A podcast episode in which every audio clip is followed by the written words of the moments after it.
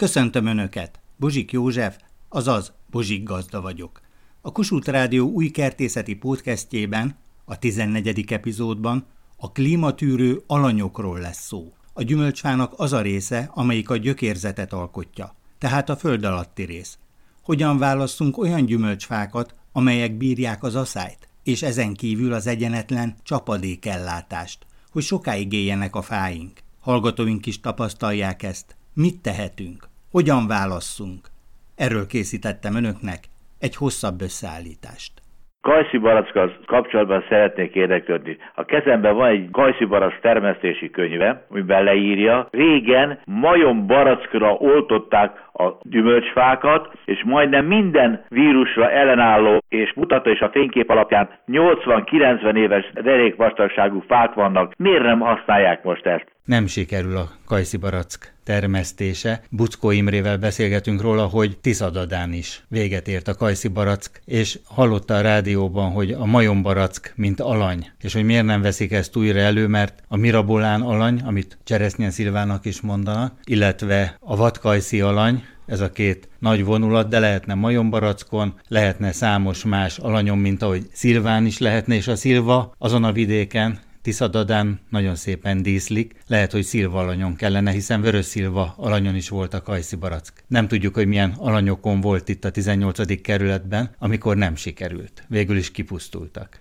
Én nem merem kijelenteni, hogy Perszent Lőrincen általában nem megy a kajszi barack, mert először is, amikor én 37 évvel ezelőtt ide költöztem, akkor a szomszédom kertjébe két vagy három égigérő, hatalmas kajszi barackfa volt, és én azt csodáltam, és akkor kezdtem én az én kertembe, ami ettől 50-100 méteren belül van, telepíteni kajszi barackot, ami hát néhány évig vegetált, termett is, de végül is nem vitte sokra. Na most, hogy valahol a lőrincen van-e még jó kajszi barack, és hogy az valóban milyen alanyon lehetett, ugye ezt én nem tudom. Ez egy ténykérdés, itt 100 méteren belül a nulla és a 110 százalékos eredmény tapasztalható volt. Nem tudjuk, hogy magról kelt fák voltak-e, mert egy-egy ilyen magnemes fa lehet, hogy éppen nagyon szépen díszlik. Én nem tudom, hogy azok milyen fák voltak, akik ott laknak, azok se tudták már, mert hát ősi fák voltak. Ténykérdés, hogy gyönyörű, finom, nagy termésű fák és hatalmas fák voltak.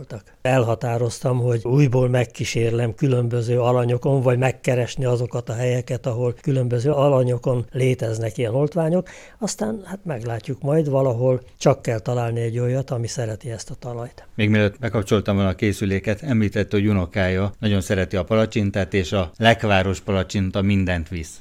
Hát így van, sőt, ő annyira szereti a palacsintát, hétvégén jön haza, de akkor már a nagymama előtte már keveri a palacsintát, ő meg úgy lép be, hogy jól éreztem kint, hogy palacsinta illat van.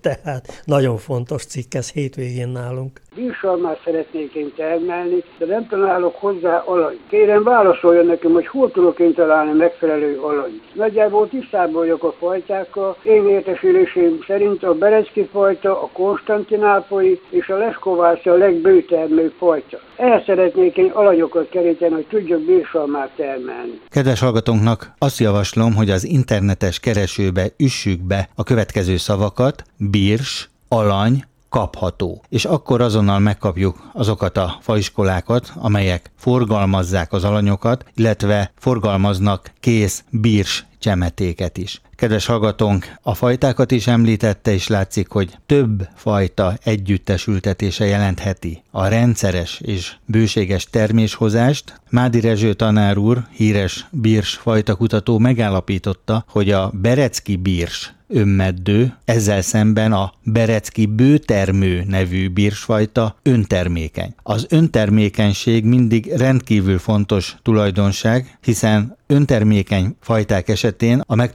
megtermékenyüléshez csupán pár milliméter kell, míg a portokból a bibére kerül a jótékony pollen. Ezzel szemben önmeddő fajtáknál egy másik fáról kell, hogy hozzák a jótékony méhek a virágport. Keresztes Ferenc növényvédő szakmérnök kollégám, őtőle tudom, hogy a moniliától elkezdve a tűzelhaláson át a különféle gyümölcsöt károsító molyokig rendkívül sokféle károsító ellen kell védekezni, tehát sajnos már a multé az a legenda, hogy a bírs permetezés nélkül termeszthető. Szeretném megkérdezni, nagypolyafámat szeretném szaporítani. Milyen vadalanyra kell oltani? Tavaly se volt kevés rajta, de az idén valami csodálatos mennyiség van rajta, és arról nem is beszélve, hogy milyen óriásiak.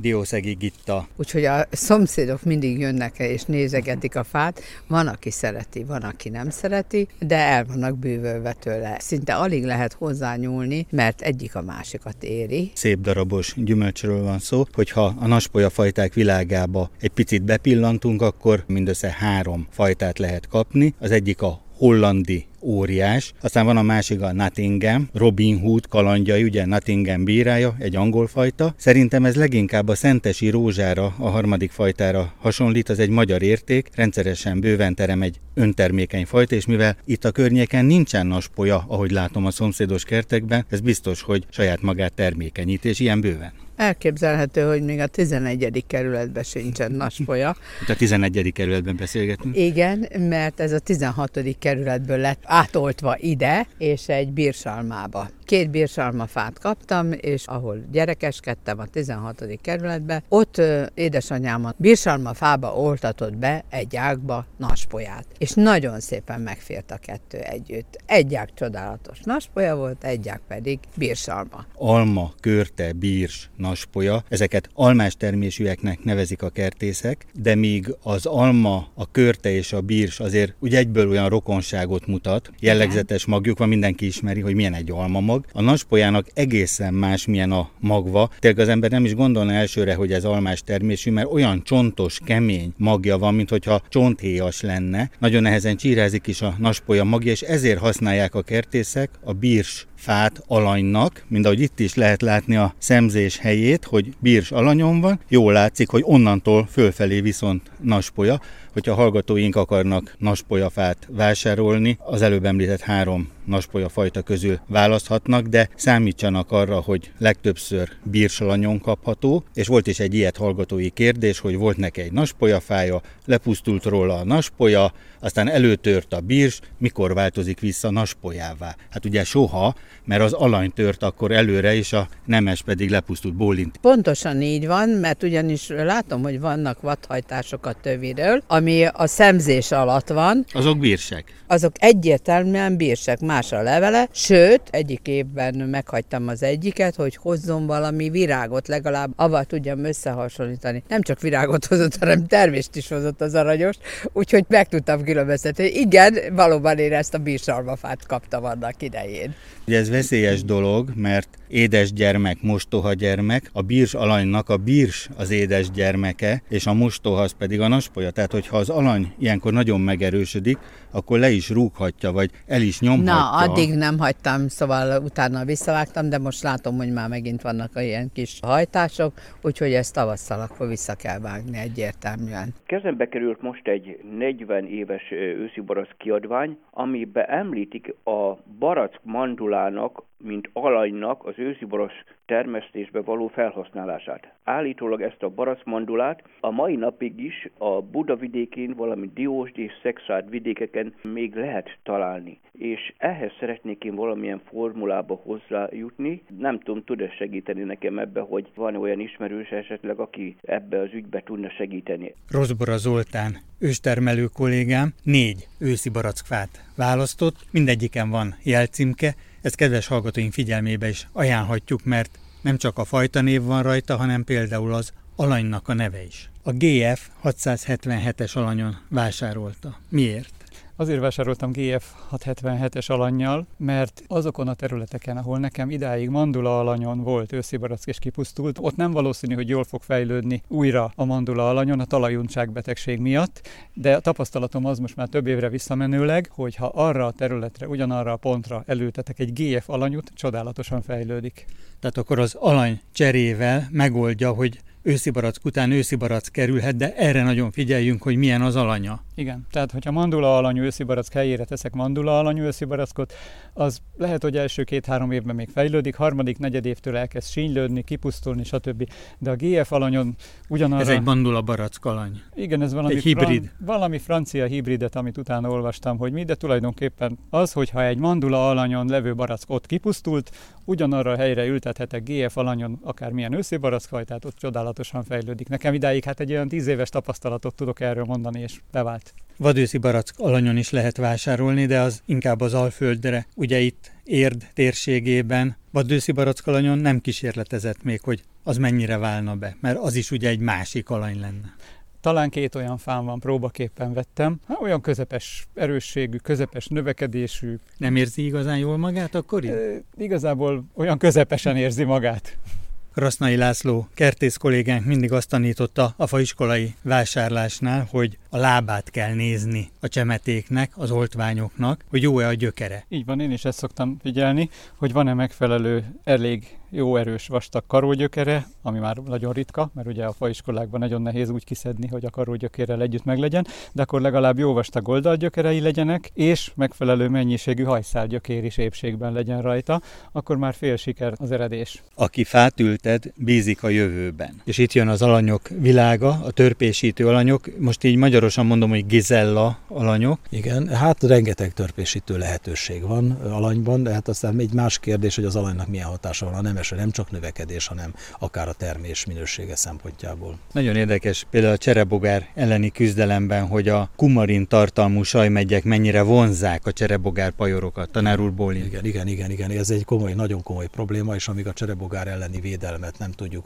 mondjuk biológiai alapon megoldani, már pedig egyelőre még ez nem nagyon működik, addig ez egy komoly kihívás az alany termesztők, illetve az alanynemesítők számára. Aztán sok olyan alany van, amelyiknek pozitív hatása is lehet, akár fonálféregőző, akár az őszi alanyoknál, GF alanyokra gondolva, ahol egy komoly fonálféreg tolerancia figyelhető meg. Főleg olyan területeken, ahol eleve már fonálféreges a terület, vagy hajlamos a terület erre, ott nem is lehet elkerülni ezeknek a használatát. Dr. Orlóci László, az ELTE fűvészkertjének igazgatója, például az angol hatás, East Melling, a híres kutatóintézet, és ahogy tanár úr hogy vannak fonál féreg rezisztens alanyok, a törpésítő alanyok ott is ugye M9-es, M7-es, és Molnár Pál kertjében járhattam. Mutasd meg a kertedet, megmondom ki vagy, van egy ilyen régi kertész bölcselet. Annak idején arborétumnak neveztem el, ez, ebben nyilván a vágyamat fejeztem ki, hogy ebben jó sok fa legyen és sokféle. Azt javasolt a család, hogy gyümölcsfákat ültessünk, és én ezt könnyen elfogadtam, mert végül is én nekem a fa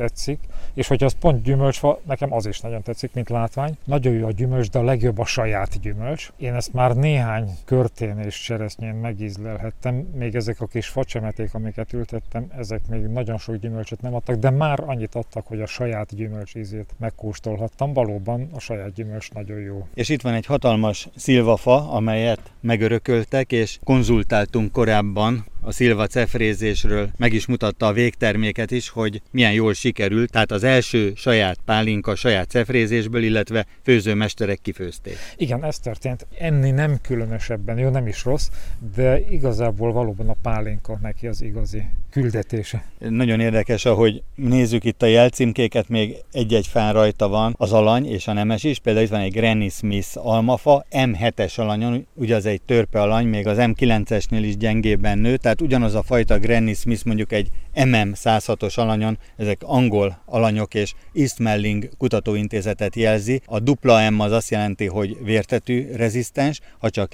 M, akkor az csak a kutatónak a jelzése. Korábban EM volt, ugye East Melling. A számokból semmire sem lehet következtetni, mindegyiket meg kell tanulni, hogy melyik, melyik. Ugye az M26-os egy olyan alany, amelyik nagyon elterjedt, az MM 106-os, de ugye a duplemből tudjuk, hogy ez vértető ellenálló, ezek középerős növekedésűek. Az M9-es az egyik nagyon bevált törpealany, Hollandiának is ez az egyik vezető fajtája a holland almaültetvényekben, az M7-es az pedig tényleg még az M9-esnél is kisebb fát növesz, tehát nagyon fontos az alany-nemes kombináció, mert az alany meghatározza a nemesnek a növekedési erélyét. Tehát itt pont egy ilyen kis fát választottak, hogy ezt, ha 30 éves lesz, akkor is a földről mindenki eléri a csúcsát is. Emögött az van, hogy én a faültetés élményét 60 éves korom után ismertem meg, óriási élmény, tehát hogyha valaki ezt még nem próbálta ki, akkor próbálja ki már 30 vagy 20 valahány éves korában is, és tudtuk, hogy mondjuk ha 100 évig élünk, akkor is mondjuk 4 évtized van előttünk, tehát a fák méretét is ehhez igazítottuk, ehhez a perspektívához. Szeretek ezek között a kis facsemeték között is sétálni, mert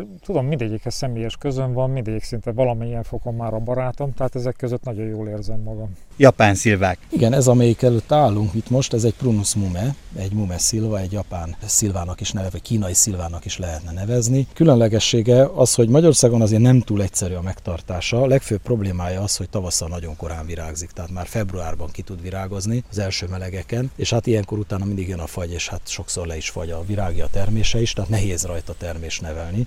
Néhány éve, két éve talán sikerült egy nagyobb mennyiségű termést kinevelni.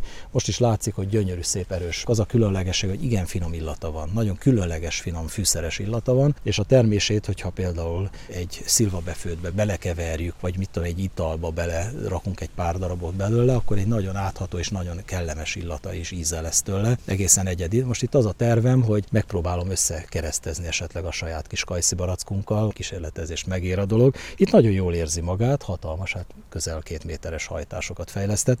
Ugye azt mondják, hogy a mumét mindig meg kell metszeni, míg a diszcseresznyét sose szabad metszeni, van egy ilyen közmondás, a japán közmondás, vagy kínai közmondás, tehát hogy bolond az, aki a diszcseresznyét metszi, a szakurát metszi, és a mumét meg nem metszi. Van nekem egy almafám, nyári alma, és annak az ágain ilyen apró, nem is tudom, hogy vértetű, vagy valami ilyen szürkés színű, de megdörzsölöm, akkor ilyen zöldes-barnás leve lesz. És mi lehet ennek az ellenszere, amivel le lehetne permetezni? Keresztes Ferenc növényvédő szakmérnök kollégámmal beszéltem arról korábban, hogy alföldi gazdák felfedezték a káliszappan hatását, hogy megbontja a vértetveknek a viaszos telepeit, és akkor úgy hatnak utána a rovarölőszerek. Valamikor a vértető Amerikából került be több mint száz éve, és nem sokkal utána bejött a parazitája is, a vértető fürkész. De sajnos a fürkész sokkal érzékenyebb volt a növényvédőszerekre, vagy még most is is érzékenyebb, mint maga a vértetű, és azt is el lehet mondani, hogy a vértetű már semmilyen vegyszerre szinte nem érzékeny. Talaj szintbe telel, vagy a talaj szint alatt a gyökérzetten, vagy a sarjakon, és akkor tavasszal onnan indul fejlődésnek ez az időjárás, ez különösen nagyon kedvezett neki. Úgy lehet fölismerni, hogy ilyen fehéres vattaszerű bevonat van a rovar testfelületén, ami gyakorlatilag védi a parazitáktól is, meg talán a vegyszertől is. Nem is azt mondom, hogy vegyszer vegyszerrel, hanem növényvédőszerrel nem lehetett leküzdeni. Olajos lemosóval védjük? Igen, hát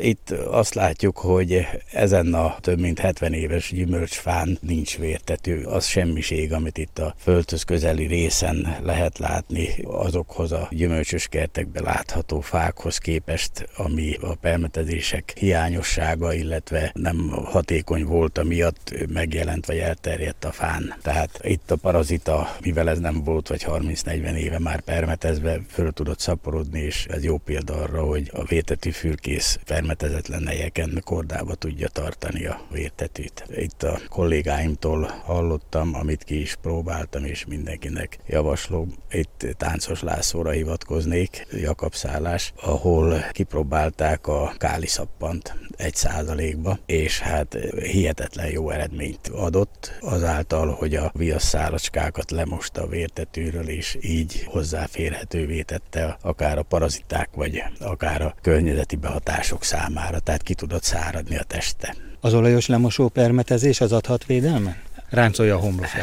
Hát nem, esetleg saját megnyugtatásra, de én azt akkor javasolnám, hogy ha pajstetű van a kertben, mert az ellen más védekezési lehetőség nem túlzottan van, mert a hatékony szereket, nagy hatású szereket mind kivonták, vagy kivonásra kerülnek, és ezt a káliszappanos permetezést javaslom mindenkinek, és gyakorlatilag egy lúg lúg, ami rendkívül hatékony. Én úgy ítéltem meg, hogy 90% fölötti hatékonyságot értem el vele. Egyébként megnéztem a 1%-os káliszappannak a pH-ja 9-es. Nem egy könnyű ellenfélnek számít. Átteleléskor a szárnyatlan nőstény a gyökérnyakban telel át, már is jelzi azt, hogy nem lehet egy közönséges téli lemosó permetezéssel akármikor elérni. Zsigó György, a Magyar Növényorvosi Kamara budapesti alelnöke. Tehát meg kell várni azt, hogy ő mikor jön fel a gyökérnyaki részből, mikor kezd el fölfelé vonulni, és ekkor lehet a védekezésnek az egyik pontja. Kéreg repedésekben lárva formájában is áttelel, és az enyhetelek miatt ez legalább olyan jelentős, mint a gyökérnyakban lévő szárnyatlan nőstényeknek az áttelelése és az innen induló fertőzés. Bokamosásnak nevezi a népnyelv azt a védekezést, amikor is a gyöktőshöz kell becsorgatni azt a rovarlőszert, ami az ott lévő nőstények ellen is hathat. Nagyon fontos ebből a szempontból Anglia, East Melling, a híres kutatóintézet, mert az MM jelzésű alanyok azok vértetű rezisztensek. Ez egy rendkívül fontos szempont, mert például az M9-es alany viszont kifejezetten érzékeny a vértetvek támadására. Megfelelő alanykiválasztás, meccésmód, utolsó szempont legyen csak a vegyszeres növényvédelem ahogy tanár úr említi az M9-es törpealanyt, de mondjuk középerős növekedésnél van az M26-os, amelynek mondjuk növekedési párja erősségben az MM106-os, tehát például nem mindegy, hogy milyen alanyon vásárolunk növényeket, akkor érdemes megnézni az alanyt is, mert ezzel már egy fontos védekezési pont a vértetvekkel szemben. Így van, sokkal nagyobb a jelentősége az alanynak különben is, mint ahogy mi most gondolunk rá, a tápanyag felvételtől kezdve a legkülönbözőbb betegség ellenállóságig és időjárás változás tűrőképességig mindenben nagyon jelentősen beleszól. Érdekes az olajok világa, hiszen korábban a kőolaj származékokat három évente javasolták. Most vannak könnyű kozmetikai olajok, parafinolajok, sőt napraforgó olaj is lehet, amely megfojtja az áttelelő különböző képleteket, atkatojásokat, levéltető tojásokat. Így van, régen az úgynevezett gyümölcsfaolajat csak három évente lehetett felhasználni, ezek még egy rendkívül durva gyári készítmények voltak, és a fákat perzselhették. Most is megvan az a veszélye, hogy az olajos készítmények főleg a gyenge és a fiatal fáknál bizonyos visszavető stresszhatást gyakorolnak, de az új készítményekkel már akár minden évben permetezni. Kedves hallgatóink, van egy éjjel-nappal működő üzenetrögzítő, ezen várom az önök kertészeti kérdéseit, amelyek alapján készítem el az újabb összeállításokat. A telefonszám a következő 061 328 73 00. Várom önöket a jövő héten is egy újabb epizóddal a Bozsik Gazda Podcastben.